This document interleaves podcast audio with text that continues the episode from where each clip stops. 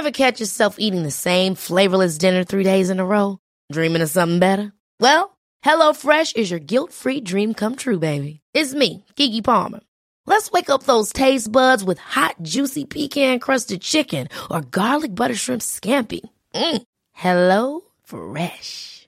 Stop dreaming of all the delicious possibilities and dig in at HelloFresh.com. Let's get this dinner party started.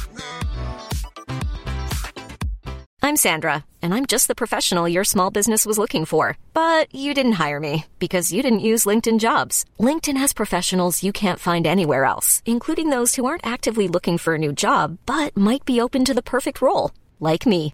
In a given month, over 70% of LinkedIn users don't visit other leading job sites. So if you're not looking on LinkedIn, you'll miss out on great candidates like Sandra. Start hiring professionals like a professional. Post your free job on linkedin.com/achieve slash achieve today. Hey there, it's Michelle Norris. I'm host of a podcast called Your Mama's Kitchen. When I travel, I'm usually looking for a way to find a taste of home when I'm not at home. And one of the things I love to do when I am at home is entertain. And Airbnb allows me to do that. When I was in California recently, I rented a house that had a great kitchen. And when we were sitting around the table, we we're all thinking, we're in someone else's house. Someone could be in all of our homes as well. If you have a home, but you're not always at home, you have an Airbnb. Your home might be worth more than you think. Find out how much at airbnb.com/slash host.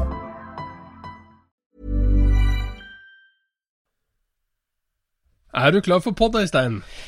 Jeg er kjempeklar for pod, Jon Roar. Det er på tide med en ny episode av Scootspodden, din favoritt-bilhobbypod. Ja. Hvordan står det til hos deg? Har du um, masse på hjertet, har du ikke det? Ja, det skjer jo stadig ting. Det er sol, og det er sommer. Og det er um, utemekking, og det er ute og kjøre veteranbil. Så det er mye som skjer om dagen. Jeg har blitt kvitt et skogsrak, og jeg har eh, ja, driver og ordner det hele tida. Hmm. Ja. Nei, vi kjører på, da. Ja, vi gjør det. Kom igjen.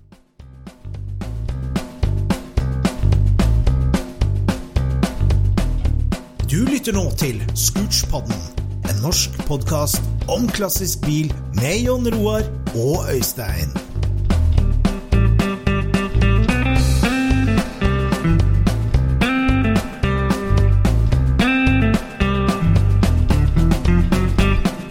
Yes, ladies and gentlemen, velkommen til en ny episode av Scootspodden.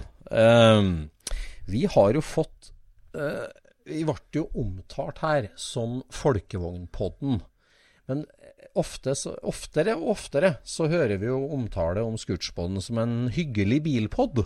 Og det er jo eh, vi, vi liker jo liksom det å bevege oss bort fra den smale sti. Vi elsker jo folkevogn, men vi er jo ikke Folkevognpodden. Nei, det er eh, virkelig ikke håp å bli det, altså. Nei. Det mangler da noe annet.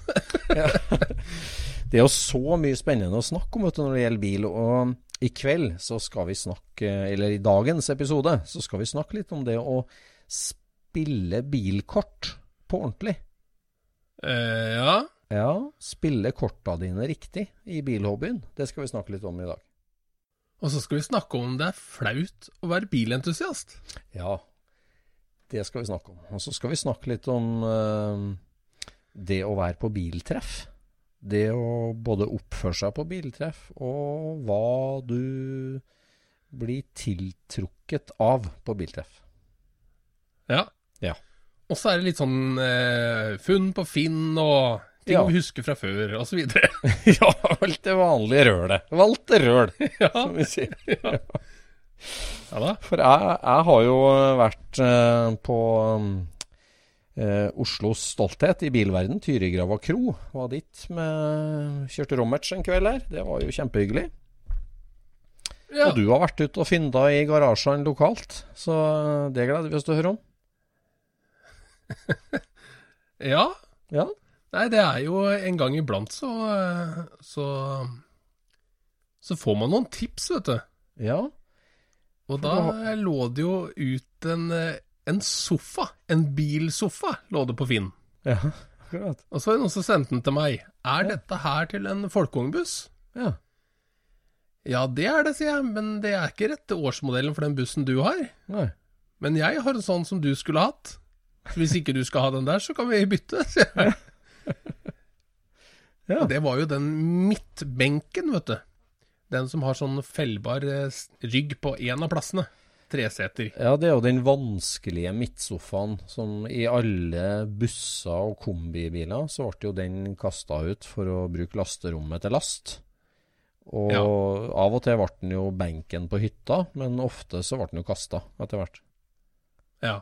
Det mangla jo min, for min har jo vært ambulanse fra starten. Så det var jo ingenting sånt i den. Er det festa i gulvet jeg- til den? Er det festa i gulvet til den? Nei, det er det ikke. Nei. Men det er de, de pressingene er der. Så Ja. at det er bare å bore det hullet og så sveise på den, eh, det lille lokket. Og det får du jo kjøpt. Ja. Sånne lokk. Men eh, når, du- når sånt noe står til G-sport Ja. på Finn, ja. Det gis da må du være rask på Shit, var det? Bilsofa G-sport? Ja. Og da må vi være kjappe, vet du. Så da sendte jeg en eh, melding, for det var jo ikke noe telefonnummer der. Nei. Så hvis den ikke er borte, så tar jeg gjerne den, sier jeg, ikke sant. Ja. Og de svarte jo ikke, så etter eh, tre kvarter så ringte jeg, da. Da fant jeg nummeret hennes eh, på gule sider, tror jeg. Ja. Og så ringte jeg. Ja. Og da tok de ikke telefonen, selvfølgelig. Det er jo helt vanlig. Selvfølgelig. Og så etter et kvarter så ringte hun opp igjen. Ja, var det du som ville ha den sofaen? Ja. Eh, Ja, sier jeg. Ja. Ja, da skal jeg bare ringe bort og høre om de er hjemme. Ja. Så kan du reise bort til foreldrene mine og hente den. Stå på låven. Ja. Send meg Ja, helt adressen, da. eller? Helt lokalt, ja. Ja, altså hun sendte adressen. Jeg la inn den på GPS-en, og det var fire minutter med bil. Nei. Jo, Fire, fire minutter! Og da tar det to minutter å komme ned til veien her. Ja, men da er jo du naboen, og du kjente jo de folka, du da. Altså, hvis jeg hadde stått på låvetaket, så kunne jeg sett låvetaket deres. Fy faen. Men Altså, det er, det, det er, det er litt stykke, altså. Men, eh, men det var ikke langt. Så etter seks minutter så var jeg, var jeg der, etter at jeg la på med hun dama. Så var jeg hos Ja, så eh, var Ja. Og så tenkte jeg det at eh, jeg kan ikke ta med meg denne sofaen hvis de vet at det er en folkevognbussofa. Da Nei. føles det som litt Det er, det er litt lurete å bare ta den da. Så jeg spurte hvor er dere har den sofaen her fra? Ja. Nei, det var uh, gubben min som skulle kjøre noen folk uh, fra Kodal. Mhm. Og så hadde han en sånn transit som var varebil, så han var bare innom på skroten og fikk tak i en sofa og slang inn den, og så kjørte han de folka. Og siden har den stått der på låven. Ja. Ja, det får jeg i hvert fall bruk for jeg, da, sier jeg. Så vi heiv den inn og kjørte hjem. og så sjekka jeg årsmodellen på den, vet du. Og den er jo 57 til 61, og bussen min er jo 61. Åh. Og det som er så kult med dette, det er jo ett eneste hull i trekket på den der sånn. Ja, Det sånn, er jo, den er bare vaske. Her. Vinyltrekk, da? Eller bare? Ja, det er sånn grønnaktig vinyl. Fy faen. Med håndtak på ryggen og, og med askebeger komplett bakpå alt sammen. Så den, det der er et funn, altså. Ja, hvor mange bein er på den? For, hvordan er det der, da? Er det fembeins? Så er den ordentlig gammel, ikke sånn? da? Eller husker jeg feil? Ja, det stemmer. De første er fembeins, og så blir de firebeins. Ja. Så dette her er en firebeins. ja. Men på det første bildet ikke sant, så tenkte jeg fy fader, det der ser jo ut som barndor, for den er jo sydd med disse her eh, ja, Hva heter det på norsk? Pleats. Piping. ja. Yes. Så det der var et uh, greit funn. Herregud, så utrolig kult. Men du måtte avse din uh, nyere sofa, da, eller? I, Nei, for hun ville bare ha rock'n'roll-seng i den bussen sin, så det trang jeg ikke. så jeg har begge. Så utrolig tøft. Ja, det er bare Det er artig da, når at du kan få brukt den sjøl, da. Ja. Eh, det er jo gøy med et altså, sånt funn uansett, men det, det, skjer så mye på Finn som uh, ikke er oppe i dagen. Altså, vi har jo en felles venn på Hamar òg som Jeg vet ikke hvordan han greier å støvsuge eh, Finn for 911-deler, men altså, jeg, jeg har inntrykk av at han er ute Ja. hver uke og henter til bargain-pris. Altså, på, det er jo ja. det, det, det dukker opp det utroligste, altså. Det gjør det. Så. Ja, du må legge litt energi i det. det, det jeg er ikke så flink til å gjøre det, egentlig. Jeg har noen sånne automatsøk som uh, tikker og går, men eh, Men den her var fin. Den her må vi bare takke Ja, tipseren for. Det var jo bare å gratulere. Herregud. Men uh, har du hatt en slags midtbenk i, i bussen din før, da? Eller har du aldri hatt benk? Ja, jeg har en helt strøken en som har sittet i en, i en bay. Jeg, jeg har Ja. uh, Benkene baki er fra en bay. Som er, de er kjempefin stand, de altså. Men, men det er jo litt gøy å ha den rette årsmodellen, da. Ja, ja. ja fy søren. Så man slipper den der irriterende låsen på den klaffen, vet du. For det har jo en bay, de har jo lås på den klaffen der sånn. Ja, de har det. En Ja, splittbuss har jo ikke lås på den ryggen, så den faller jo ned hver gang du bremser. ja nettopp. Skal, skal den typen, du. Ja. Ja, ja. Nei, men da er det jo enda en, eh, en, en trinn på stigen å bli ferdig med ambulansen, eller ferdig igjen med ambulansen, da. Plutselig så begynner jeg å tenke på den igjen, da, vet du. Ja, ja, ja, det er bra, vet du. Nei, det er supert. Nei, det er jo Men autosøk på Finn, altså jo, du får jo det en gang i døgnet, og da er det jo altfor seint på de spennende tinga. Det er jo solgt med en gang. Så Ja, det er sant. Må Men det er klart, autosøk på sofa til bil, det Eller hva kalte jeg bilsofa? Det, det er jo Ja, få som har, kanskje. Det var det som var saken, at eh, hun sa det, det er jo kjempefint at du kan få brukt den. Vi hadde jo tenkt oss å kjøre den på, på søpla i morgen, vi. Ja, akkurat. Men så var det dattera vår som sa at vi må jo prøve å legge den ut. Ja. ja. Sikt Transit Gloria Mundi. Ja, ja. Det er artig med at det er transit der òg, forresten. Slik for var forgår verdens skjønnhet. ja. Redda fra skroten i, på 70-tallet, og så på vei tilbake til skroten igjen. Det var helt fantastisk. Ikke sant? Mm. Nei, jeg var jo, hadde jo med vår gode, min gode venn, eller vår gode venn og kartleser Trond, og vi var til Tyrigrava kro da, her på Europabiltreff på torsdagen i forrige uke. Ja. Det var en hyggelig tur. Det, Tyrigrava har jo sant, vært eid av Ski kommune i lang tid, og vært hjem for eh, masse kunstnere. De har leid ut det til atelier i fire etasjer i mange, mange år. Har vært Ja. et sånn kunsthjem. Og så bestemte jo Ski kommune seg for å selge det på det åpne marked.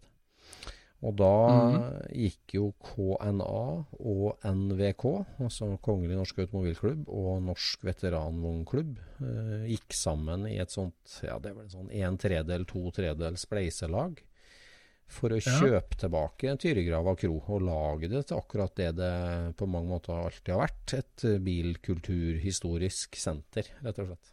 Ja.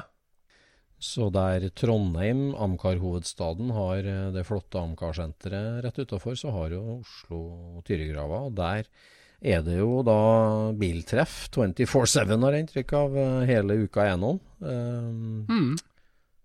ja, Så ligger du jo overraskende sjenert. Ja, det gjør det. Nei, det gjør det, altså. usjenert heter det. Ja, det er merkelig nok heter det usjenert. Det ligger, det ligger veldig bortgjemt, egentlig, mellom Kolbotn, Oslo, Vervenbukta. Så Ja. det er jo virkelig et flott sted, og det er klart det er jo der det gamle hovedveien inn til Oslo gikk. Og det der var jo et slags motorhotell og veikro har vært i alle år. Og nå Mm. er det jo under full oppussing. Har gjort en kjempejobb utvendig og, og innvendig holder de på. Det skal leies ut en del, men hovedkontoret til KNA og generalsekretariatet til NVK skal jo da flytte ut dit. Ja vel, ja. Så Ja, Det er ganske stort i bygget, er det ikke det? da? Ja, det er ganske stort det bygget. Det er sikkert eh, Ja, det skal ikke jeg si. 300-400 kvadrat, kanskje? Eller to, ja. 300 kvadrat grunnflate, og sikkert tre etasjer, da. Og Ja, det er såpass. kafé i første etasjen. Ja, Uh, nei, så der, så der blir det da hovedkontor for de bilorganisasjonene. og så er det jo fenomenalt det at de da holder kafeen åpen. og Nå må vi si riktig, da. Er det veteranbiler på mandag, eh, Amcar på tirsdag, motorsykkel på onsdag og eurobil på torsdag? Ja. En type uformell Cars and Coffee-samling, og det er jo helt konge. Det er kjempefine veier utover, utover dit. Det ligger, som du sier, usjenert og bortgjemt på en måte. Og Eh, Det eneste de ønsker seg, er jo en ordentlig asfaltering, for det er jo litt sånn potetåker utafor der nå. Men eh, det blir, Ja. det blir kjempebra. Så det var veldig hyggelig. Veldig hyggelig treff. Men åssen er det? Er det noe vakter og, og sånt noe der, eller er det bare bare komme? Det er bare å komme. Det, det var noen vakter der som sto og dirigerte litt ved innkjøringa. og ja, Mulig de bare sto og sorterte litt bil, jeg vet ikke. Det var jo det var, ja, parkert og kjøpt vaffel og, og spist eh, og drakk kaffe og gikk og kikka på bil. Det var overraskende mye eh, nybil for min smak, da får jeg si. Altså nyere europeisk sportsbil eh, var det mye av. Ja, for det er ikke egentlig veteranbil, det er entusiastbil. Ja, entusiastbil. Altså Mandager er det jo NVK sin dag, liksom da, så da er det jo 30 år og eldre. Uh, en Ja. egen dag, alt mulig 30 år og eldre på mandager. Og så er det jo Amcar på tirsdag. Og torsdag så er det eurobiltreff. Og um, når jeg kjørte 50-taller, så var jo jeg absolutt av de eldste der. Det, Ja. det var vel kanskje en PV fra 47 som var den eldste bilen. Og ellers så var det Oi. veldig mye nyere Porsche og Alfa Romeo, Lamborghini, Ferrari. Mm. Én Corvette og én Malibu eh, stasjonsvogn. Men ellers så, Ok. så Lisensprodusert, regner jeg med? Ja. Men det var veldig mye artig. Ja, Escort og Impresa og veldig mye artig bil. Absolutt. Og en av dem som eh, Impresa? Det er jo ikke så veldig euro, det heller. Nei, altså det er sånn euro-Japan. Eh, Euro-Japan, ja. ja. Ik Ikke-Amkar er kanskje riktig begrep. Ja, kanskje det er sånn der, ja. Ikke Ja. Ja, jeg tror det. Ikke-Amkar. Så mye Holden, da. Nei, det var ikke så som Ok. Ok. Opala og Holden. Ja. Nei, så det var veldig, veldig hyggelig, altså. Det, det, det var artig å få en passende tur for meg, da. En liten time kjøring. Så Ja. den som stjal showet, da, det var jo vår gode venn Henry Harfelt. Mannen som Ja. Eller Henry? Harry? Nei, Henry Harfelt, tror jeg. Det er jo brødrene Harfelt, det der. der. Han er jo 81, heter han det, tror jeg? Eh, år gammel, eller var han 83? Det husker ikke Harfelt. som da Altså, Harfelt var jo en komet i speedway-verden. Han eh, var jo i etterdønningen av Basse VM, da, kan du si, på, på sein 50, tidlig 60, når han dro av gårde for alvor og var et speedway-talent uten like og fikk eh, proffkontrakt i England, og reiste over til England og kjørte proft speedway i et par år, men så fikk han altså ja, en maskindel gjennom leggen. Jeg er litt usikker på hva det var. Eh, det var en, en slags okay. prototype speedway-motorsykkel som ble utprøvd på et løp eller på ei trening, som havarerte på et vis at han fikk en eh, ja, et eller annet som datt av og gjennom leggen, og han ble skada nærmest for livet. Da, og der stoppa speedway-karrieren Oi. til Harfeldt nesten før han hadde starta, eller han kjørte kanskje tre år eller noe sånt. Og så, men siden så har han gjort seg bemerka med, med en utrolig bilsamling og en utrolig god bilsmak, får jeg si. Så han, Ja. Han har jo i alle år vært kjent med, med GT40 og AC Cobra, som begge to er jo eh, så nært original som det går an. De er vel Ja. ja, det der må vi ta ordentlig en gang. Enda et tema i båten. De her bilene kunne jo- invitert han, vet du. Ja, vi skulle jo det, vet du. Vi har jo prøvd. eh, og vi gir ikke opp på det. I hvert fall så har han 79-jern. 79, nei, oi, det var stygt å si. Ja. Eh, en 80. 79, nærmest 80. Og han har jo eh, Han har AC-kobraen, og han har eh, GT40-en hjemme i garasjen. Han har jo én eh, Ludic, eller en sånn eh, versting-Tesla til bruksbil. Jaha. Og så har han en vanlig Tesla til kona, skal vi si. Så, okay. Hva heter den verste? 100D eller noe sånt? Nei, et eller annet. Ja, det er vel en Model S eh, 100D Ludicrous, tenker jeg. Ja, ja det er en sånn. Er sånn har han til. eh, Ja. En sånn har han til bruksbil. Uh, og snakka jo varmt om den, altså. Og så har han jo en svær, gammel 30-taler òg. Jeg husker ikke hva det var, en Buick kanskje, eller sånt. Så han, han har en veldig variert bilsamling, altså. Og, Ja. og så var det jo det som han har vært i, i kolørte presse med, da, det at han da i en alder av 79 kjøper seg en splitter ny McLaren 720 SP, kanskje han heter, eller noe sånt. 720 Ja. i hvert fall. Og det lærte Men han også. hvordan også, var det han fant ut at han skulle ha akkurat den, da? Ja, det er jo artig at du spør, for det var jo det eneste spørsmålet jeg stilte han, egentlig. For, at, eh, altså for det første da, så er jo en sånn McLaren 720 eh, Det er en sånn Spider-variant som han har kjøpt uh, splitter ny. Som, og det lærte jeg meg jo da, at betegnelsen 720 kommer jo fra antall hester. Så nå hadde det altså kommet 740 òg, men, eh, men det er 720 der. er det altså 720 hester. Eh, hadde med seg kona si da, på Cars and Coffee. Kom kjørende med Ja. den. Og det var jo litt artig. Det, det her skulle vi fått han til å fortalt sjøl, men jeg, jeg spurte han jo. Det er liksom du som har kjørt så mye bil og hatt så mye bil, og, og, og skal kjøpe liksom litt kroner på verket, da, på en måte en splitter ny sånn superbil. Hva, hvorfor velger du da den? Og da, fra en 79-åring Jo, det var YouTube, det, vet du. så, så bare what?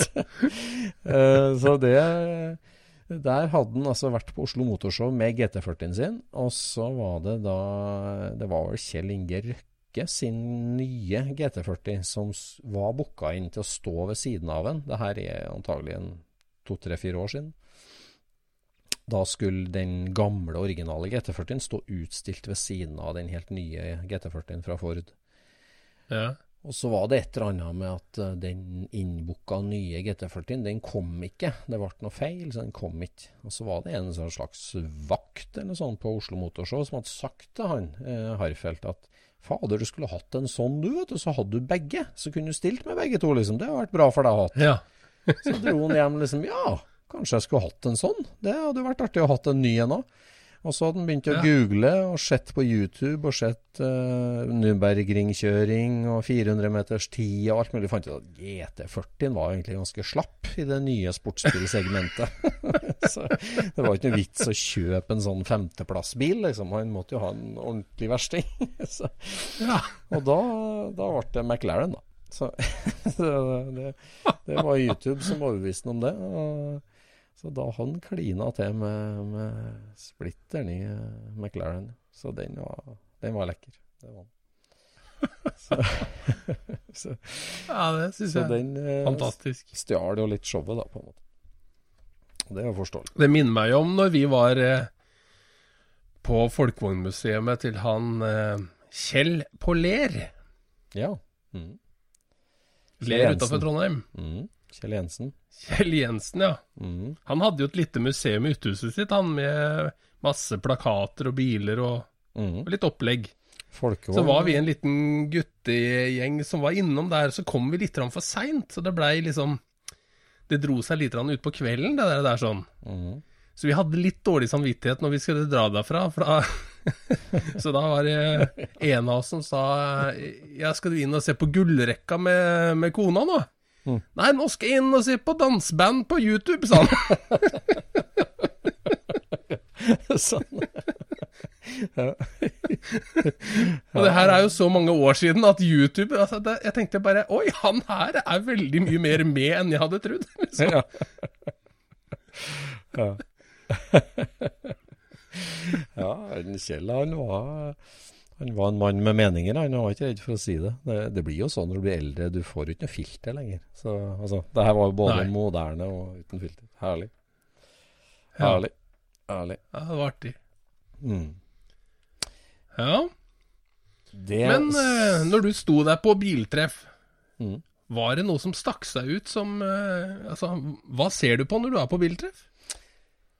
Ja, der er vi jo inne på et kjernetema, for vi har snakka litt om det før. At når du drar på et sånt generelt biltreff, så eh, Det er jo veldig hyggelig fordi at folket er så hyggelig, liksom. Og folket Jeg, jeg, jeg føler jeg føler veldig fellesskap med, med bilfolk, på en måte. Og, og det, det, er lett å ja. prate, og du har felles forståelse for det ene og andre. Og liksom, om du står og prater om en bil, eller om din egen bil for den del, og kommer folk bort, så er det så praten er veldig hyggelig. Så det er veldig hyggelig å være på biltreff.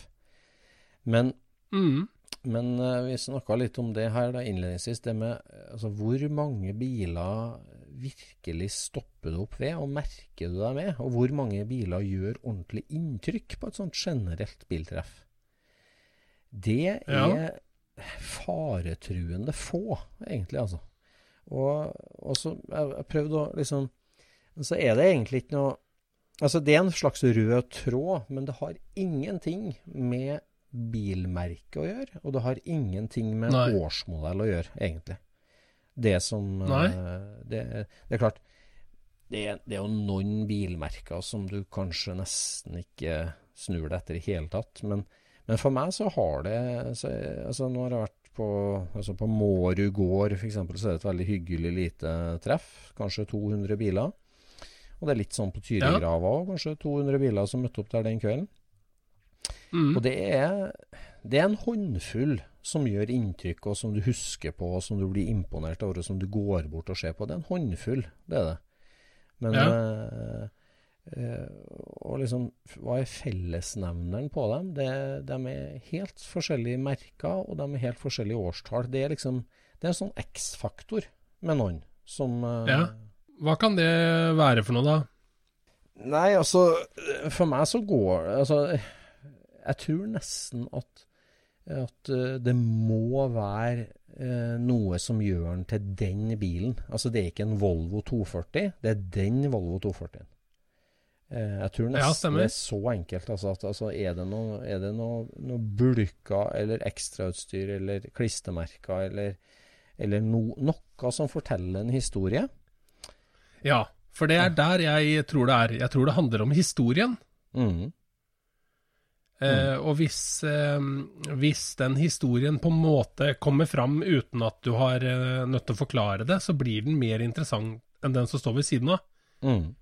Ja, For du kan si det sånn at hvis du, hvis du ser ja, Ford Escort MK2, da.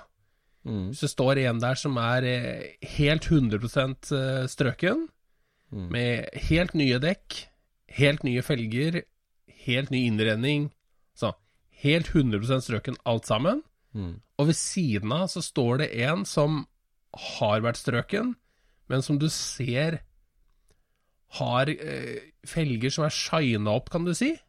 Mm. Og liksom du, du, ser at dette her er gamle greier, og du blir liksom Oi, dette her er en bil som har vært sånn antagelig siden 70-tallet. Mm. Så blir den hakket mer interessant enn den andre, selv om den mm. andre er mer strøken. Mm. For du tenker liksom Ok, hvem var det som gjorde dette for så lenge siden? Mm. Mm. Ikke sant? Dette her må jo ha vært en eller annen eh, aspirerende rallystjerne, eller eh, mm. et eller annet, da. Mm. Ja. Så jeg tror det er det at vi, vi leiter etter Altså, vi to. Mm. vi leiter etter små sånne halmstrå som gjør bare Oi, her er det kanskje en historie. Mm. Det er ikke sikkert på at alle gjør det. Jeg tror mange er bare ute etter å se den fineste bilen. Ja. Men for oss to så vil det være interessant å se at oi, jeg ser at den har parkeringsbevis fra Paris i frontruta, liksom. Ja, ja det kan være så liten. Har denne Renaulten her gått i Paris, ikke sant? Ja, ja. Da blir det plutselig så bare sånn Hm, så spennende, liksom. Ja. Nei, det er, noe, det er noe med det, det er altså. Det er en teori, i hvert fall. Ja. Nei, jeg er helt enig. Det, det er tegn på en spennende historie. Men altså, det kan være F.eks. ute på Tyrigrava så var det to eskorter, en MK1 og en MK2, som var ja. Eh, helt strøken og nybygd, men i veldig riktig racingstil, da. Med kule breddere ja. og minilights og hele pakken.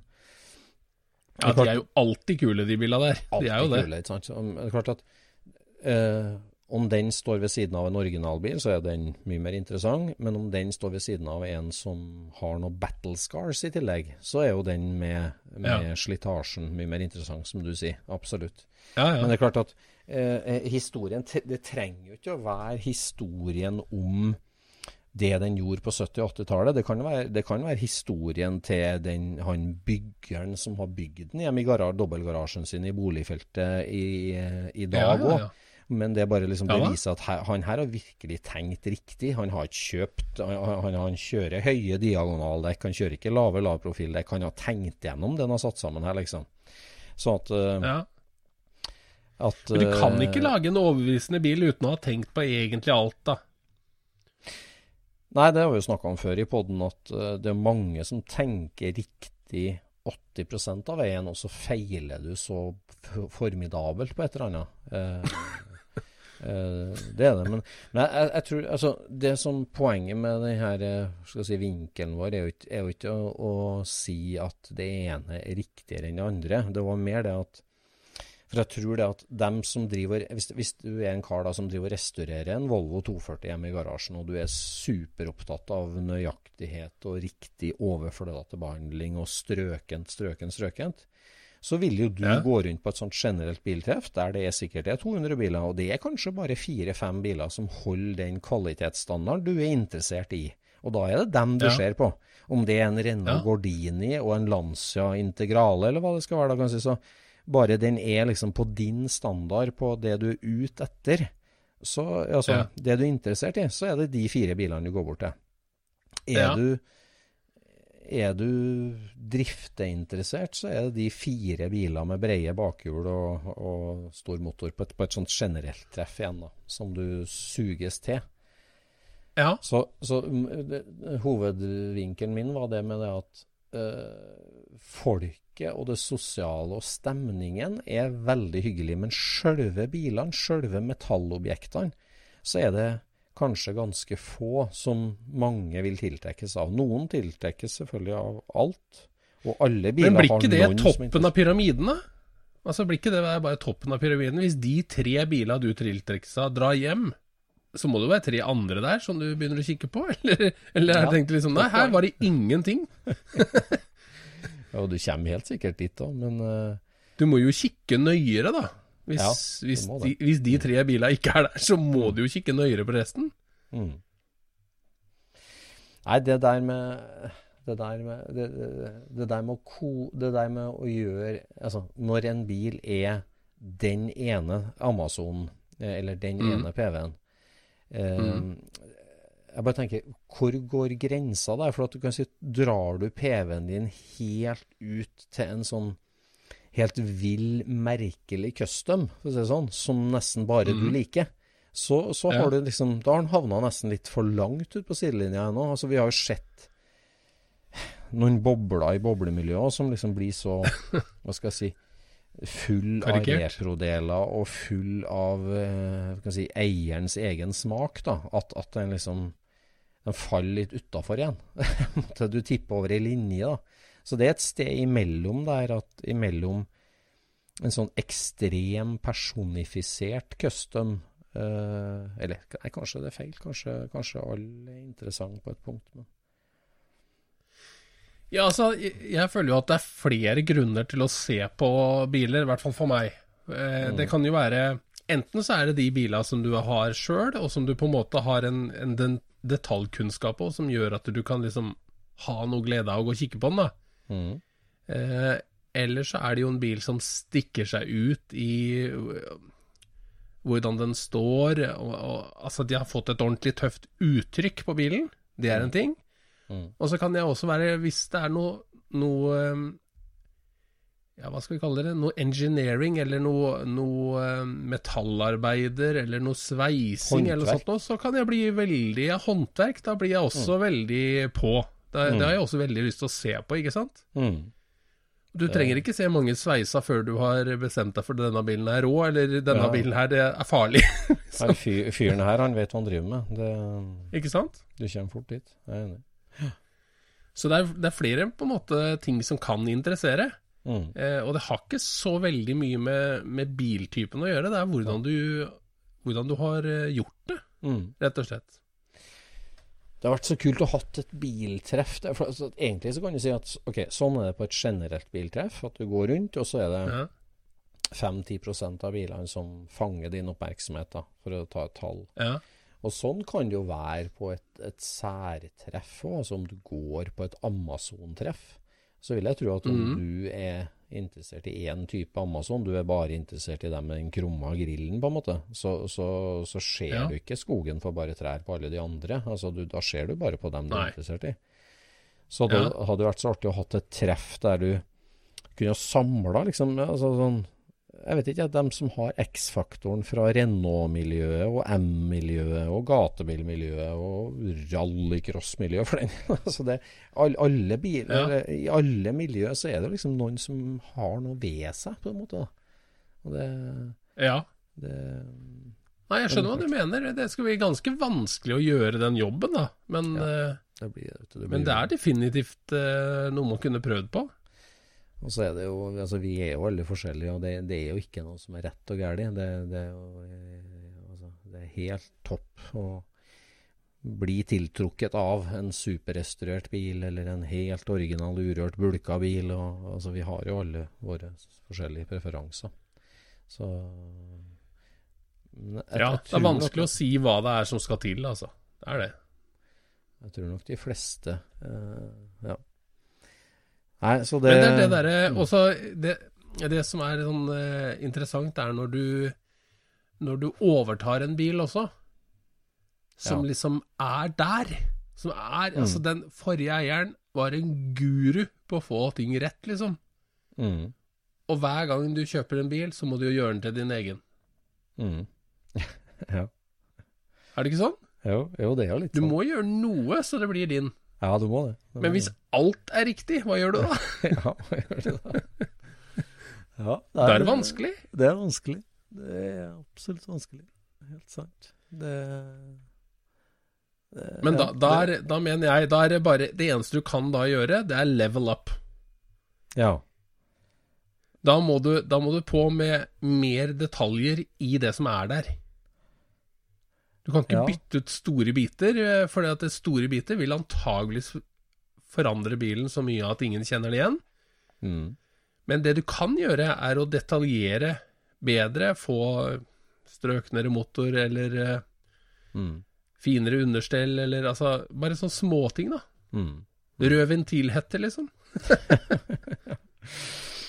Ja, men det er noe med det, altså. Det med å, å gjøre det til din egen. Det er kanskje derfor at vi blir så tiltrukket av skogsrak og låvefunn òg. For at liksom, det har vi snakka om før, at det her er, det her er et lerret. Her, her har du alle muligheter. Her kan du personifisere og, og bygge Og så opp i er jo den retning. allerede seg sjøl òg, da. Ja, det er den jo. Det er sant. Det Et, er sant. et skogsvrak har jo et, har jo et uttrykk, så kan du liksom Det du gjør da, det er bare å legge til de siste Mm. eh, Siste prosenta, liksom, så få dette her helt hjem, liksom. Mm, mm. Nei, det er vanskelig det med å personifisere bil. Jeg husker jo når jeg var ferdig med den 51 Porschen min, så leide jeg jo inn vår gode venn Ritchie, som skulle komme og legge pinstripe, eller mm, bruke penselen på den da, for å personifisere den litt. da. Det var jo ikke liksom målet å personifisere den, det var å gi den karakter, da. Og en Ja. av eh, våre gode venner var sånn Nei, nei, må ikke finne på å gjøre liksom. Det er jo en så verdifull bil, og du må, hvis du personifiserer den, så blir den jo liksom usalgbar, som den er. Han må være liksom Ja. Porsche 356, punktum. Det kan ikke være den Porsche 356-en. Men Åh, eh, ja. for meg er det, er det helt motsatt. Altså det, det, det han må være Ja. eh, må vise en slags sjel uh, som gjør det til den bilen. Det det, er, det er jeg veldig enig i. Det er jeg Ja. veldig enig i. Jeg har Det- ikke lyst til å ha en bil som alle tenker altså, Ja, han har en av de hvite 67-ene, liksom. Ja. Du vil jo ikke ha Altså, det.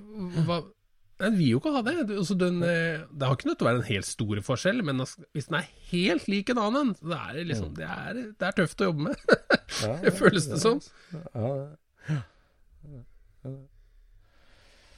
Nei, det er rart. Ellers så, for å spole videre til, et litt annet tema, så har vi jo eh, en kar som har skrevet inn til oss, som eh, driver og vurderer salg av sine Han har ei lita bilsamling på to tre, eller tre biler.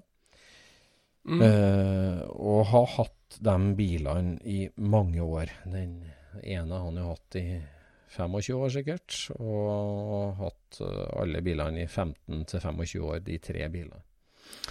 Ja. Jeg lurer på liksom sånn Kan jeg selge? Skal jeg selge? Det her er jo liksom eh, Det er i symbiose med de her bilene. Jeg kjenner dem inn og ut. Eh, Dem definerer Ja. meg, jeg definerer meg med dem, liksom. Ja. Kan jeg selge dem? Skal jeg selge dem? Hva syns dere, Øystein og Jon Roar? Um, ja.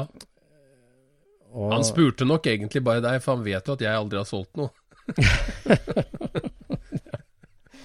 Det er veldig rart om en uh, Jeg har solgt noe, og det, det er kjempevondt å selge. det skal jeg bare si. Det er så fælt. Eh, men det, det spora jo av og til en debatt om det her med, med liksom eh, Er du bundet til å bygge og bo i samme bygda som foreldra dine? Skal du arve slekts- eller fa familiehuset og, og pusse opp det og holde det ved like? og, og liksom Må du holde deg fast i et slags gitter som, som du føler definerer deg? Hva, hva eh, altså, er det greit å rykke opp og bytte beite i bilhobbyen? For, no, for noen bilentusiaster så er det veldig tungt og veldig vanskelig. Ja, altså det Jeg tror dette her handler mest om penger, egentlig. Mm. Altså, hvis du har en veldig god inntekt, Mm. så trenger du aldri selge en av de gamle for å bytte til noe nytt. Mm. Men hvis du har Altså, sånn som de aller fleste jeg kjenner har enten med bilsamling, er at de har kjøpt biler når de har vært overkommelig prisa, Mm. og så sitter de på de til de plutselig er en god del mer verdt. Mm. Og da begynner du å få den klamme handen på skuldra, ikke sant? Mm. Det du ga 60 000 kroner for, Mm. det er nå verdt 450 000. Mm. Har du egentlig råd til, eller bør du, sitte med de 450 000 på, på stallen, Mm. mens du sitter og sikler på noe som koster eh, 400 000, som du har mer lyst på nå, ikke sant?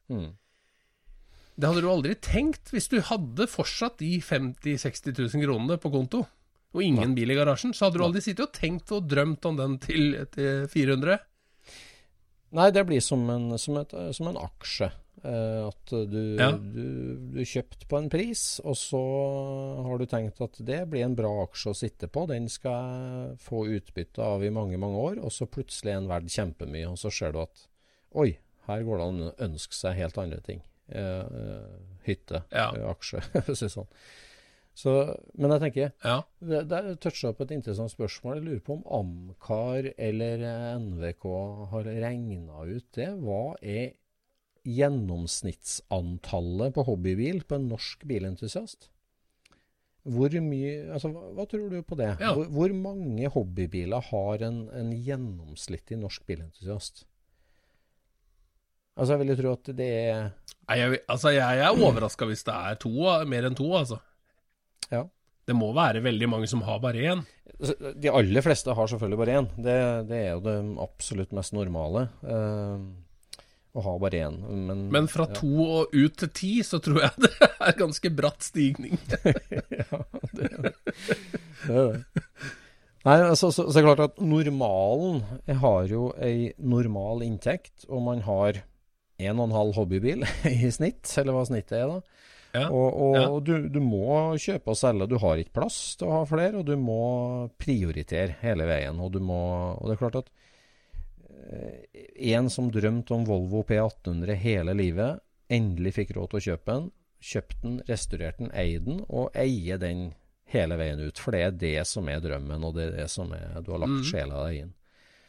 Ehm, men det er klart, mange vil jo hele tida vurdere å prioritere den, den ene bilplassen du har, eller ene muligheten du har. Det, det er vanskelig. Men jeg tror du har mer moro hvis du bytter bil hvert andre år, altså. Jeg tror rett og slett du har mer moro da. Hvert andre året. Altså på, på Nei, ikke hvert andre år, men altså eh, Men hvis, ikke sant, det er det som er saken. Mm. At når du først har hatt den første bilen i 15 år, Mm. da blir det veldig vanskelig å plutselig skulle selge den. Ja, det blir det. Men hvis du har hatt den første bilen din i tre år, liksom, da, er det sånn, er du ikke så Du er ikke så knytt til den. Og, og, og folk forbinder deg ikke så mye med den, kan du si. Nei, men da, da, begynner du jo da, etter tiende bilen, så begynner du å google og lete etter hvor er førstebilen min igjen. Den vil jeg ha tilbake, for den husker jeg. Første hobbybilen min. ja, det er kanskje sant. Men i debatten med han derre lytteren da, som har de tre bilene, som har hatt dem i alle år, og sitter og grubler Skal jeg bytte litt beite? Skal jeg fornye meg? Skal jeg prøve en annen type hobbybil? Eh, jeg har kapital stående i garasjen. Jeg kan frigjøre det. Bytte det til én bil, til to biler. Og da er det jo denne parallellen dukka opp med å spille bilkort. Vi, vi starta ja. med å spille bilkort i ja, ja, ja. Eh, avrunda plastesker, alle sammen. Og vi, vi ja. prøvde å vinne de kuleste bilene. Og vi visste hestekrefter, og vi drømte om å Hvor mange hjul har du? ja. Tyrrell, here we come. Uh, Altså det, det, der med å spille korta sine du, du, lever ett liv. Du har én garasje. Du har én disposable income, sier de i Amerika. Med hvor mye lekepenger kan du tillate å ha? Eh, ja. og, og, spille korta sine. Så den herre, herre lytteren Og så er det noe med at du har bare en viss mengde tid også.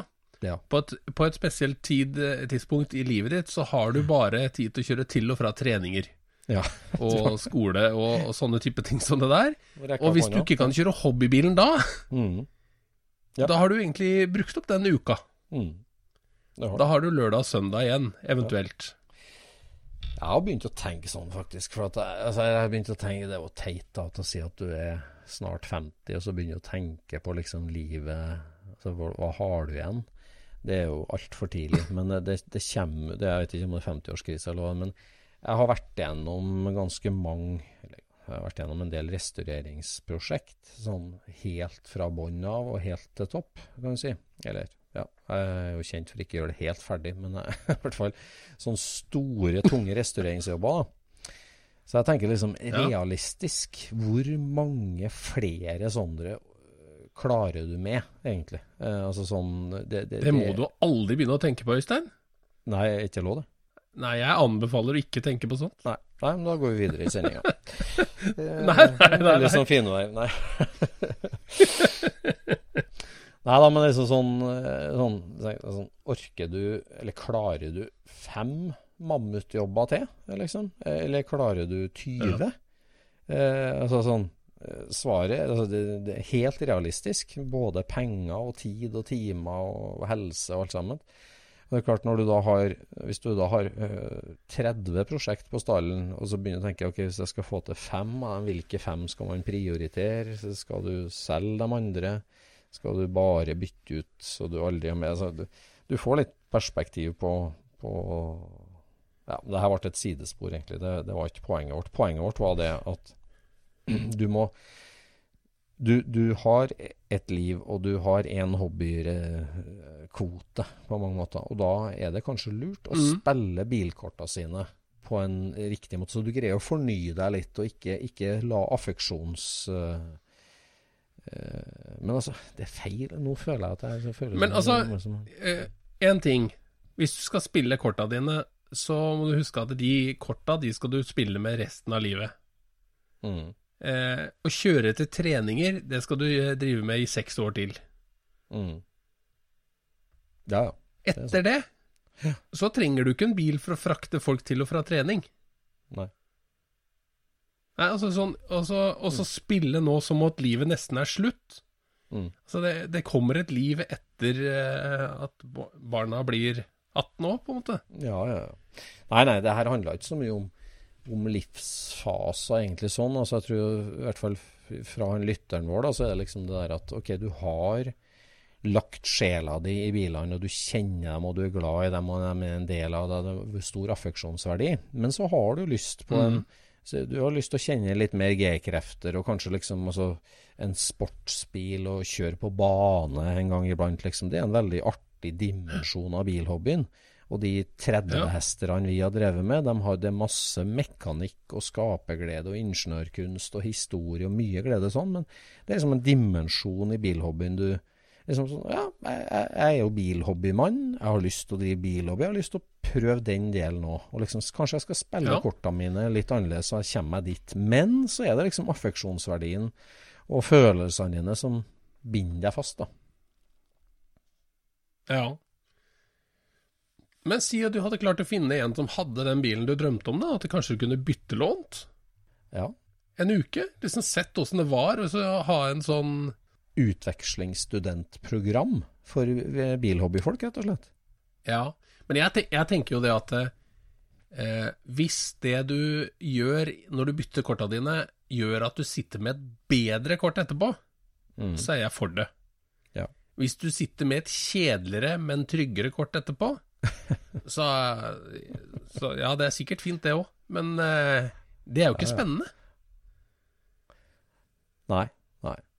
Nei da, men det, altså, det er vanskelig å satse på aksjer, og det er vanskelig å, å, å spille korta dine riktig òg. Altså, hva skal jeg si Den eh, Porsche 911-prisreisa f.eks. vi har vært med på de siste ti årene. Og, og det, det, det er jo noen sånne faktorer som er nesten umulig å forutse på mange måter. Men eh, Ja. Eller eh, og så er spørsmålet liksom hvor mye skal det finansielle styre. Men det er jo det som du sier. Hadde, du, du kjøpt deg noe til 60 000 for 15 år siden, og så plutselig er det verdt 450 000, så gir jo det noen muligheter som gjør at det er ufornuftig å ikke tenke tanken, i hvert fall.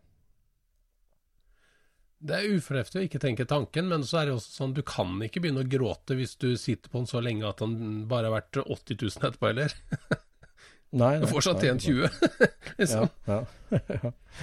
Så Ja, det er vanskelig å treffe piken eh, hele tida, kan du si.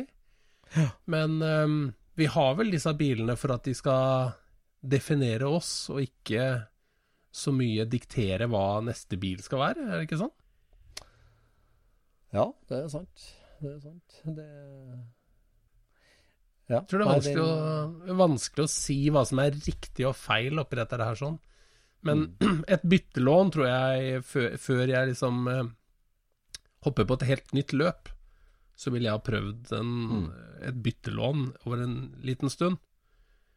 Mm. For du merker ganske fort om fy fader, dette her er mye mer moro enn mm. uh, en det jeg har drevet med, kan du si. Mm. Mm. Du får jo innpass i et helt nytt miljø òg, ikke sant? Og det kan jo hende at det miljøet er mye bedre. Ja. Nei, altså jeg kjenner jo bilentusiaster som gjør det, som har en to-tre biler, og som bytter annethvert år hele tida. Og som er det hotrod og det italiensk og det er sportsbil og veteranbil. Og, og, og du, du får jo vært innom alle grupper og alle miljø. Og, Mm. Men blir ikke det litt som å være turist? mm, Altså reise et sted, og, og, og det, Når du er turist, så opplever du aldri de ordentlig bra tinga. nei, det er faktisk et veldig god parallell. Ja, mm, helt enig. Mm. Fordi du, du, du spiser på den restauranten som har størst skilt, som ligger nærmest fornøyelsesparken. ja, Du spiser ikke på den beste restauranten som er i den byen. Det gjør du jo ikke. Det gjør du aldri.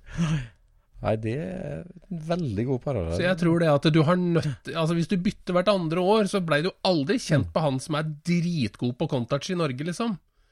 Eller, eller han som har de morsomste historiene. Altså, Nei. du er nødt til å være litt i gamet for å liksom oppleve de beste tinga òg. Mm. Det er jo ikke selve bilen, vet du. Det er aldri selve Nei. bilen. Nei, det er jo miljøet som er Ja. knytta til Nei. Bilen. Ja, vet du, det, det kan vi ikke gjenta for ofte, altså, for det er så sant, det. Det er, det er det å finne det miljøet der du sjøl føler at du passer best inn, og det tar tid, det. Det gjør det å komme under huden på Ja, Det det tar tid. Det gjør det. det er- Det eneste som liksom kan Så når du har blitt ordentlig godt kjent i et miljø, og grunnen til at du ble kjent med alle, er fordi at du restaurerte en barndoor. Mm, Og når den barndommen var ferdig, så fant du ut at den er helt grusom å kjøre. mm. Så da må du selge den fordi at den er forferdelig å kjøre. Men miljøet er jo Ja. fortsatt topp, ja, ja, så du må jo kjøpe deg noe annet. ja. Du vil jo bli værende i det miljøet.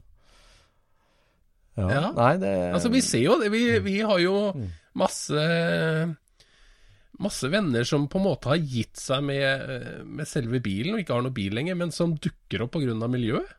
Mm. Ja, det. Ja. Nei, det er jo det. Det er jo, det er jo bare døde ting, biler. Og jeg tror ikke de har det mindre kjedelig, liksom. Nei. Eller mindre moro. Mm. Men vi skulle snakke litt om det der om det var flaut å være bilentusiast. Ja, vi skulle det. Og med det så må vi jo starte litt med det med liksom bilentusiast. Og det å ha bil som hobby er jo egentlig en litt for brei samlesekk, føler vi. Eh, altså sånn Om du elsker å råne i Strømstad eh, på første påskedag og du, Ja. liksom sånn, på, på den konfirmasjonen i den slekta, så er du bilfyren. Da er du bilfyren. Ja. Du, du elsker det å råne der. Eller om du da eh, bor på Ekne eh, på Skogn i Nord-Trøndelag og bygger opp eh, verdens mest utrolige Renault, Freia-bilen, så er du òg Ja. bilgubben på slektas konfirmasjon. Du er I den konfirmasjonen, ja. Ja, du er Ja. bilfyren. Det som er saken, er når du er på konfirmasjon, og noen spør deg om ja, ja, har du noe hobby, liksom? Mm. Det du svarer da, Mm. det kan, det kan gi bilder som, eh, som fører deg til Strømstad, og veldig sjelden til eh, Ekne. Ja. Altså, det er jo så um, Altså, hvis du har Hvis du sier altså, Nei, jeg driver med bil. Ja. Da kan du drive med bilcross, du kan drive med råning, du kan drive med eh, drifting eller trail eller eh, restaurering. Ikke sant? Mm. ja. Så hva, hva skal man egentlig si når man blir spurt? Og hva er det gjennomsnittlige oppfatninga i hodet på folk, liksom, når, eh, når du sier at du er bilentusiast? Altså for alle de 99,8 prosentene i Norge som overhodet ikke er bilinteressert. Altså sånn som min kjære svigerfar, da, som når jeg sa det at jeg samla på biler, så var det som å si til han jeg samler på oppvaskbørster. Det var, liksom, det var helt uforståelig for han at kan, du kan ikke ha det til hobby. Det er jo ikke noe hobby, det. En bil er jo en vaskemaskin. Du, det er en ting du bruker. Det er et verktøy. Du kan, du, du kan ikke være interessert i batteridriller, liksom. Sånn var det for han. Og, og, og hva tenker Altså, han er en fantastisk fyr på alle måter. La bare det være disclaimer. Men eh, altså, hva tenker gjennomsnittsnormalen når du sier at du er bilentusiast? Hva, hva tror han at du er da? Ja. Hva, hva er stereotypen i huet på folk da? Nei, altså Den bilentusiasten som flest folk har sett, det er vel antageligvis uh, han med loffen. Jan Erik Larsen. Ja. Ja. Mm. At, uh, at du hoier og skriker og stikker bakevarer inn i eksosanlegget på bilen, liksom. Ja. Var opptatt Altså, Ja, for det, for det det- noen ganger så møter du jo folk som, som kan alt om den siste bilen som kom ut. Ikke sant? Det er jo, Ja. Du er jo bilentusiast da òg. Mm. Men jeg har ikke så veldig mye å snakke øh, med deg om, kan du si. Det er, det er ikke liksom min øh, Ikke min sjanger. Nei, jeg, jeg ser jo mest på meg sjøl som en slags sånn kulturarbeider. Eller så historieforsker, arkeolog. Ja. Det, det er jo Ja. sånn er mest i hodet mitt. Så kanskje jeg må begynne å si det, at jeg, jeg samler på gode historier, eller jeg er moderne tidsarkeolog, eller noe sånt, som, som hobby for å havne i den båsen. da. Ja, Ellers så kan dette her løses mye bedre. Når NRK kommer fram og intervjuer deg når du er i Strømstad, Mhm. og sier eh, Ja, så, så du er bilentusiast til en eller annen kar som står der med brylkrem i håret, så sier han Ja. Bilentusiast? Ser det sånn ut på bilen min? Det ser ut som en dass. Det er bare et verktøy for å komme meg hit og drikke meg full. Ja. Nei, Jeg skal, jeg skal ikke si at, eh, at de ikke har bilinteresse. For bilen er jo veldig integrert i, i hva skal vi kalle det, i personligheten og, og alt det der. Men å si bilentusiast, det er altfor bredt, altså. Mm, det er det. Men altså den gjen, En gjennomsnittsnordmann han skiller jo på Petter Solberg som bilgal og si en sånn rådebank eh, da. En råner. Og Petter Solberg, Ja. det, det er jo bilfolk begge to, men eh, Jeg tror ja, du folk skiller noe særlig på det der? Ja, gjør de ikke det, da? Etter Altså, Petter Solberg eh, vant eh, VM, så tror jeg kanskje at det ble litt sånn Ja, ok, det er noe annet, ja. Ja. ja, det er idrett i hvert fall. Ja. Du er jo annenrangs menneske i, i Norge hvis du driver med bil. Ja. Altså, det, det har i hvert fall føltes sånn før. Ja. Ja, det har føltes sånn. Det har føltes sånn, og det eh, Og hvordan skal det gå? Altså, det, det er klart den største Nå, nå jo, har vi jo forbud i Skurspodden om å prate om skumle fremtidsscenario, men jeg snakka med en av mine gode venner på Veimuseet, eh, Norsk kjøretøyhistorisk museum. Ja. De har jo sjokkerende besøk, altså veldig godt besøkt hele fjoråret. Og i år også er det sprenget nye rekorder hver dag. oh, ja. omtrent. På Kjøretøymuseet og Veimuseet som ligger vegg i vegg. Og nå i sommer så kjører de en sånn greie at de driver og starter opp eh, redskap og biler og ting de har. Alt fra mopeder til enorme dumpere som har gått i gruvene på Svalbard, og veiskraper og dampvalser og kongens gamle Cadillac og alt mulig. Så kult! Kjempekult. De får inn dugnadsfolket og starter opp svære maskiner, gamle vaiergreier. sånn. Og han sa det, de har fått mange brev og innspill fra ungdommer som bare syns helt meningsløs aktivitet. Det er jo ingen vits. altså Det er jo forurense. Hvorfor skal man det å å liksom slippe ut eksos bare for moro? Er det, Det er er det barn eller ungdommer? Ungdommer, Ja. fikk jeg inntrykk av. da. Ja. For jeg tror Eh, små barn de syns det er helt fantastisk med maskiner. Ja.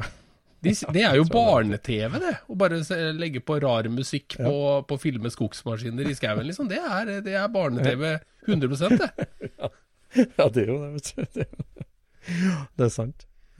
Så jeg tror det, Nei, det- altså, det det, det, blir et eh, Når du Mm. blir litt sånn eh, Er det heter woke på, Mm, yeah. i, i tenåra dine, så eh, nå for tida så tror jeg det er at man tenker på det som negativt, ja. Men, men Mm. dette her er jo Det her er jo sånn at du legger merke til den lille den lille saken, men du ser ikke det store bildet, liksom. At du starter ja. den dumperen, hva gjør det, da? Hva gjør det i det store bildet her, sånn, liksom? Ja, ja. Nei, Det er jo de tinga du gjør hver dag, som er, eh, som er eh, det som fyller eh, begeret, kan du si. Ja, absolutt. Ja, ja. Og det, og det, altså, det der må vi ikke glemme, altså det med Hva skal jeg si Altså brød og sirkus. Folk, folk trenger underholdning og innhold og mening. Altså sånn fotball, f.eks. Fot, altså totale miljøavtrykket eh, av fotball, uten å skulle snakke om det. Det er klart at det er formidabelt med alle ressursene som går inn i fotball. Ja, ja. Men det er jo fenomenalt. Det er jo livskvalitet og kjempebra for veldig mange, både utøvere og publikum. Og det, liksom, ja, det går jo inn under det her med, med livsglede og Men nå skal ikke du bli pessimistisk. Nei, det vi skal vi ikke. om at eh, det å være bilfyren og bilentusiasten, det er en veldig stor samlesekk Ja. som det er litt sånn skummelt. Råneren fra Strømstad vil jo ikke bli assosiert med Porsche-eieren fra Oslo vest. Nei. Og bilsportsutøveren vil jo se rart på han nissen på, som restaurerer en gammel 20-tallsbil Ja. i en garasje på Bekkestua. Ja. Så liksom det, det er mange leirer som egentlig ikke vil ha noen ting med hverandre å gjøre. på en måte. Men så havner du da i en stor sekk sammen med alle andre likevel. Ja, det gjør det. Ja. Nei, for jeg, jeg syns jo at eh, det er jo så mange positive ting med det å kalle det drive med bil, da. Det er jo, det er jo håndverk og, og å være Forstå mekanikk. Danne klubber, samarbeide om ting. Altså lære deg om eh, alt mulig sveising, støp, hva tåler aluminium Altså alt mulig rart, liksom. Det er masse positive ting som er liksom en Det er jo en yrkesskole for eh, For pappaer, på en måte. Og mammaer, for den saks skyld. Som du gjør eh, lystbetont og på fritida di. Ja. Og det er, det er bra for Norge. At folk Ja. prøver å reparere ting. Blir sjølhjulpne, ikke sant? Absolutt. Så det mener jeg absolutt Helt er eh, Det er ingen grunn til å skamme seg over å være bilentusiast, det er ikke det. Men det skulle vært Vi- bedre definert. Ja, men det er jobben til deg, kjære lytter av Scootspoden, og deg som bilentusiast i Norge. På en måte Være med på å nyansere det bildet og få fram liksom eh, Ikke, ikke la det stå der liksom altså, opptatt av bil. Jeg er interessert i bil. Få fram de her nyansene her. Liksom. Ja, det, jeg, jeg, skaper ting. Jeg, jeg er kunstner, jeg er mekaniker. Jeg bygger en custom-bil. Så er jeg kunstner og håndverker. Jeg. Ja, Eller jeg, jeg, er sports, jeg er idrettsmann, jeg er motorsportsutøver. ja. Eller jeg er arkeolog, jeg er historieforsker. Eh, jeg er liksom Altså, de, dimensjonene der, det er jo vår jobb å få fram nyansene på det der, og, og være gode ambassadører da, for en bred hobby. ja absolutt. Det er, eh, det er noe som vi eh, altså, Jeg skulle ønske at vi kunne videre i poden komme med klare definisjoner, liksom. Altså at vi kunne bruke de orda eh, når vi prater sammen om disse tinga. Ja. Hvis, hvis vi hadde klart å finne sånne ord. Mm. Det var artig. Altså, det å finne ja, gode begrep for de ulike dimensjonene i bilhoven gjør den mer nyansert. Eh, og, og utbrodere den mer. Det, det så får vi si til deg, Bjørn Rokseth, det her er et tema for en egen pod. Det her må vi komme tilbake til. oh.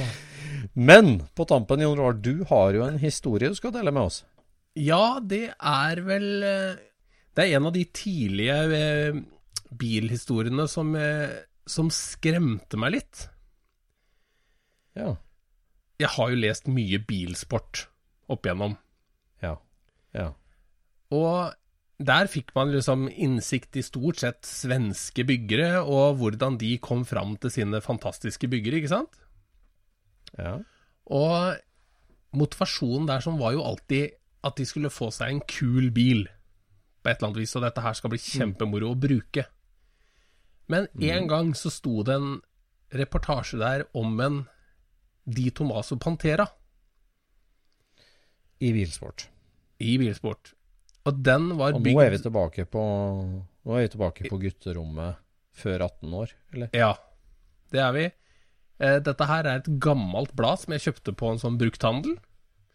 Så dette her er, det- det bladet tror jeg kom ut i 84. Ja. Og i det bladet så er det en helt sinnssyk Di Tomaso Pantera. Og Den bilen Den tror jeg kanskje jeg husker på. Men Gjør du det?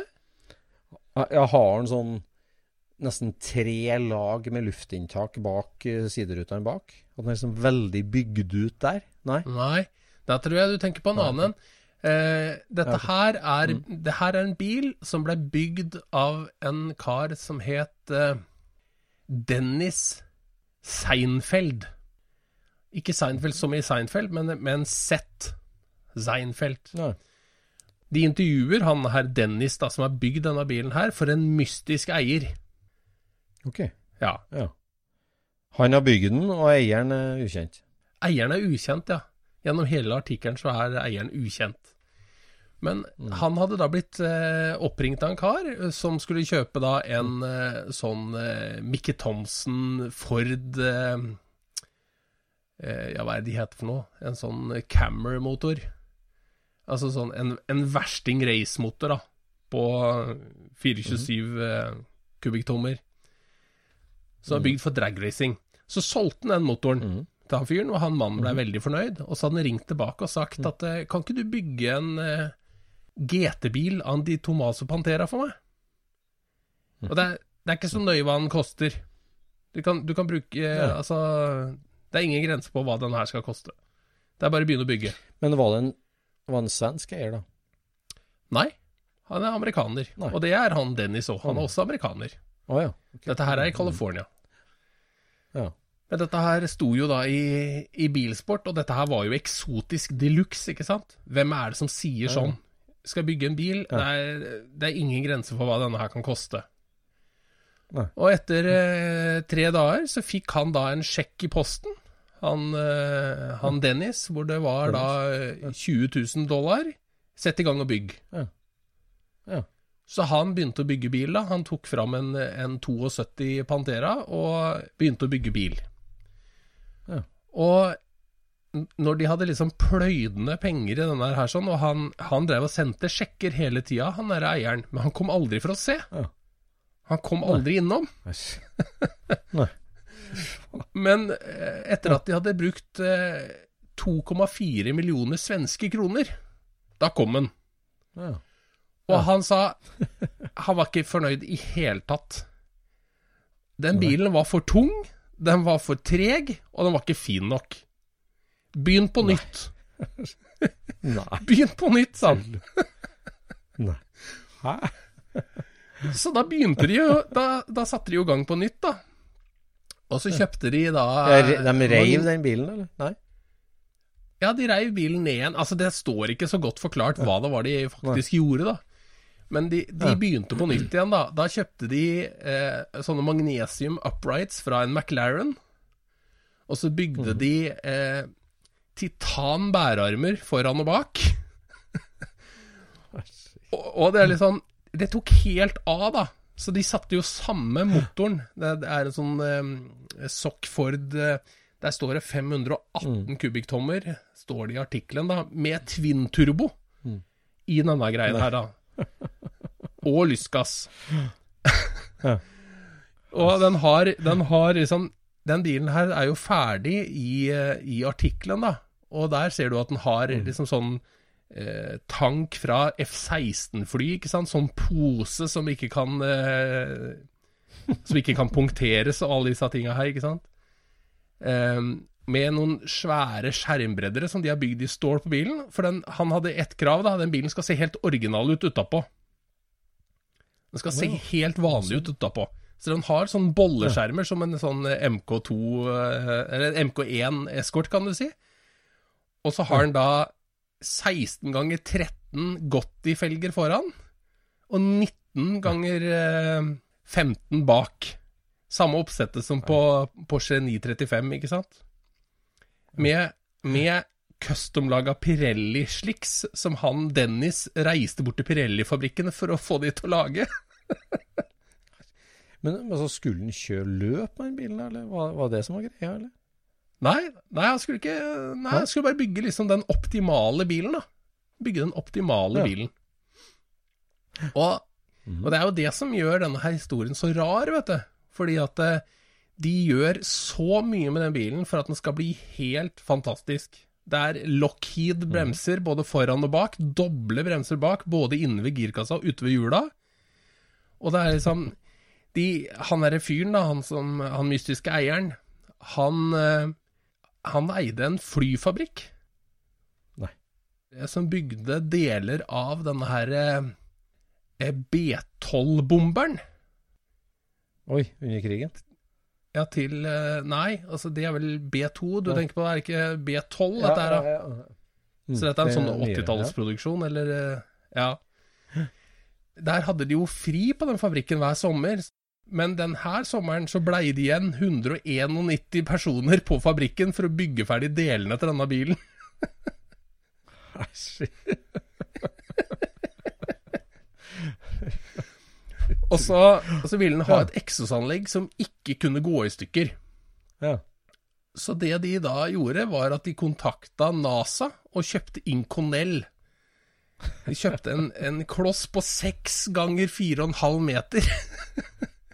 Som de da klarte å lage tre eksosanlegg av. De to første forsøka gikk i stykker, men det siste ble bra, da.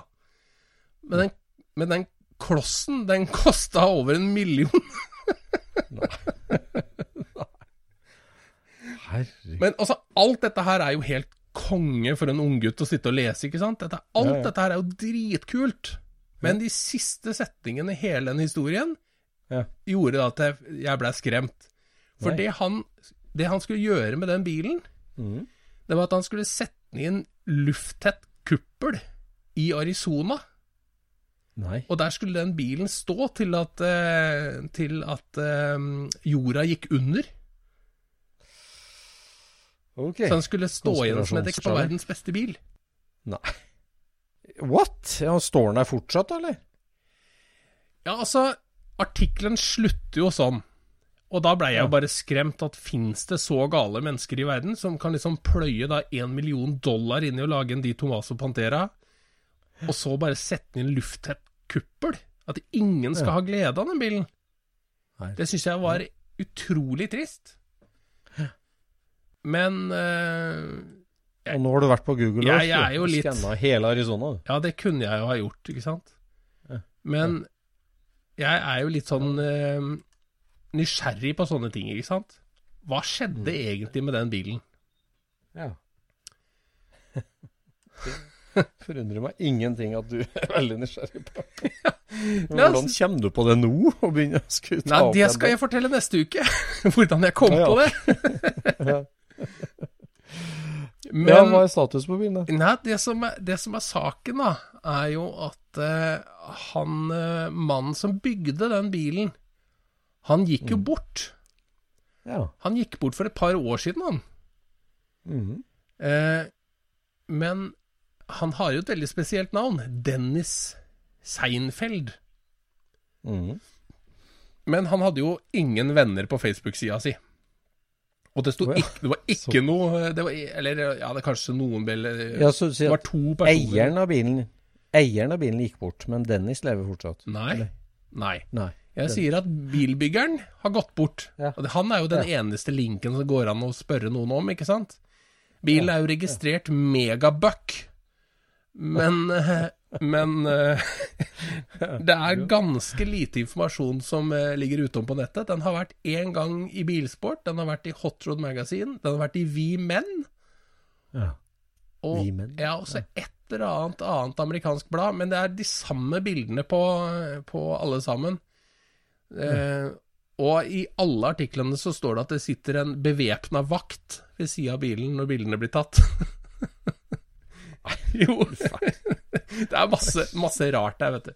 Men han, eh, han drev og bygde sånne landspeed-rekordbiler, han derre Dennis, da, seinere i livet, ikke sant?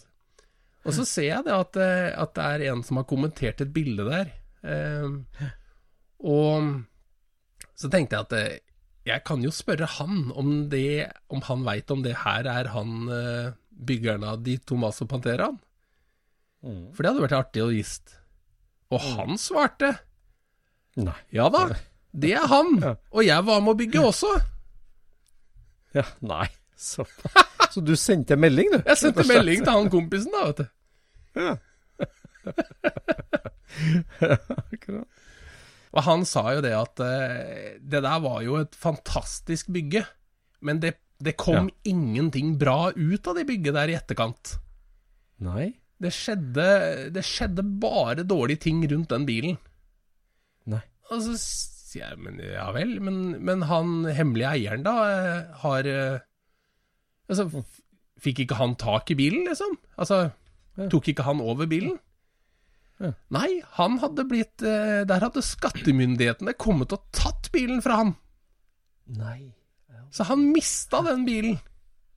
Nei. Og det som da skjedde, var jo at de lagra jo Altså myndighetene lagra jo denne her bilen så dårlig at, eh, at han eh, eh, Han Dennis, han hadde fått den tilbake på noe som han kalte for en eh, eh, mechanics lean. Jaha. Og det er en sånn greie som at eh, hvor en Når en som har jobba på et prosjekt, da, eh, Ja. ikke får oppgjøret sitt, så får Ja. han gjenstanden isteden. Ja, sånn, ja. Akkurat. Så han har tydeligvis ikke fått fullt betalt ut for den der bilen, han derre Han Dennis, da. Så han fikk han den gjorde hevd på den? Han gjorde hevd på den, og fikk den bilen tilbake igjen, og pussa den opp. Nei. Og så, og så, ja, og så solgte han den bilen, og, Ja. og, og så gikk den gjennom eh, eh, Den gikk gjennom eh, et par eiere, Ja. og så ble den satt i en shippingcontainer og gravd ned. Tuller? Nei! Ja, som sånn time capsule-opplegg, da. Nei! Altså, han, han som gravde den ned, han skyldte penger til forrige eier. Så han gravde ned for at han andre ikke skulle finne den. Ja, Er den fortsatt gravd ned? Nei, den ble gravd opp igjen seinere. og, nå, og nå er den på østkysten av, eh, av USA, da.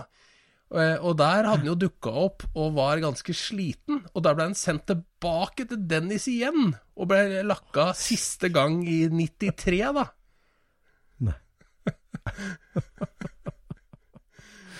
Ja, og nå, da? Nei, altså, nå visste han ikke hvor han var. Han hadde jo vært med, han der eh, karen her som jeg snakka med. Han hadde jo vært med og, og shina han opp i 93 også, han da. Ja. Men det som var så artig, var at han visste jo navnet på den hemmelige eieren. Oi, ok. Men jeg har jo ikke klart å finne firmaet til han fyren likevel, da, selv om jeg vet hva han heter nå. Men det hadde vært innmari gøy å visst hvilket flyselskap, eller hvilket eh, industriselskap det der var.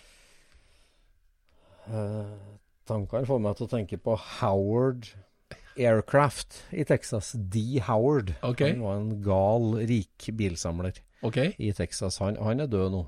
D. Howard Ja. Eh, Howard Aircraft bygde sånne små privatjetfly. Eh, han, ja, det, han må vi komme tilbake Det er en egen pod, ja. Ikke sant? han har vært og besøkt. Nå Ja, ser jeg det at jeg sa feil. Den, den derre bombeflyet het B1.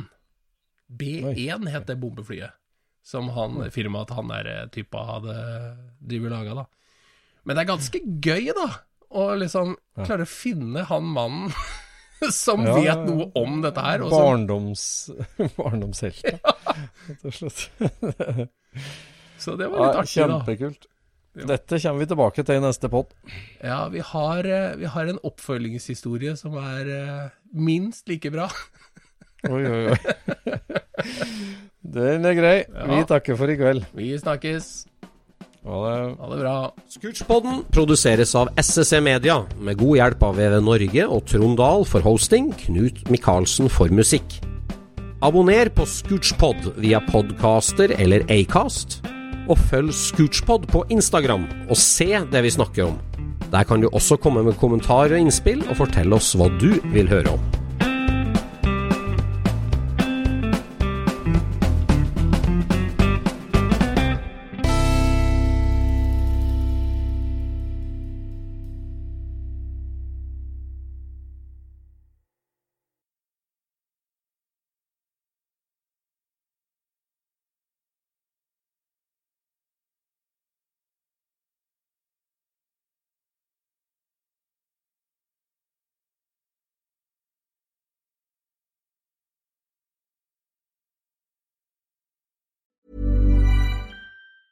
Planning for your next trip? Elevate your travel style with Quince. Quince has all the jet setting essentials you'll want for your next getaway, like European linen, premium luggage options, buttery soft Italian leather bags, and so much more. And it's all priced at 50 to 80% less than similar brands. Plus, Quince only works with factories that use safe and ethical manufacturing practices. Pack your bags with high-quality essentials you'll be wearing for vacations to come with Quince. Go to quince.com slash trip for free shipping and 365-day returns. Ever catch yourself eating the same flavorless dinner three days in a row? Dreaming of something better? Well, HelloFresh is your guilt-free dream come true, baby. It's me, Kiki Palmer. Let's wake up those taste buds with hot, juicy pecan-crusted chicken or garlic butter shrimp scampi. Mm. Hello Fresh. Stop dreaming of all the delicious possibilities and dig in at HelloFresh.com. Let's get this dinner party started.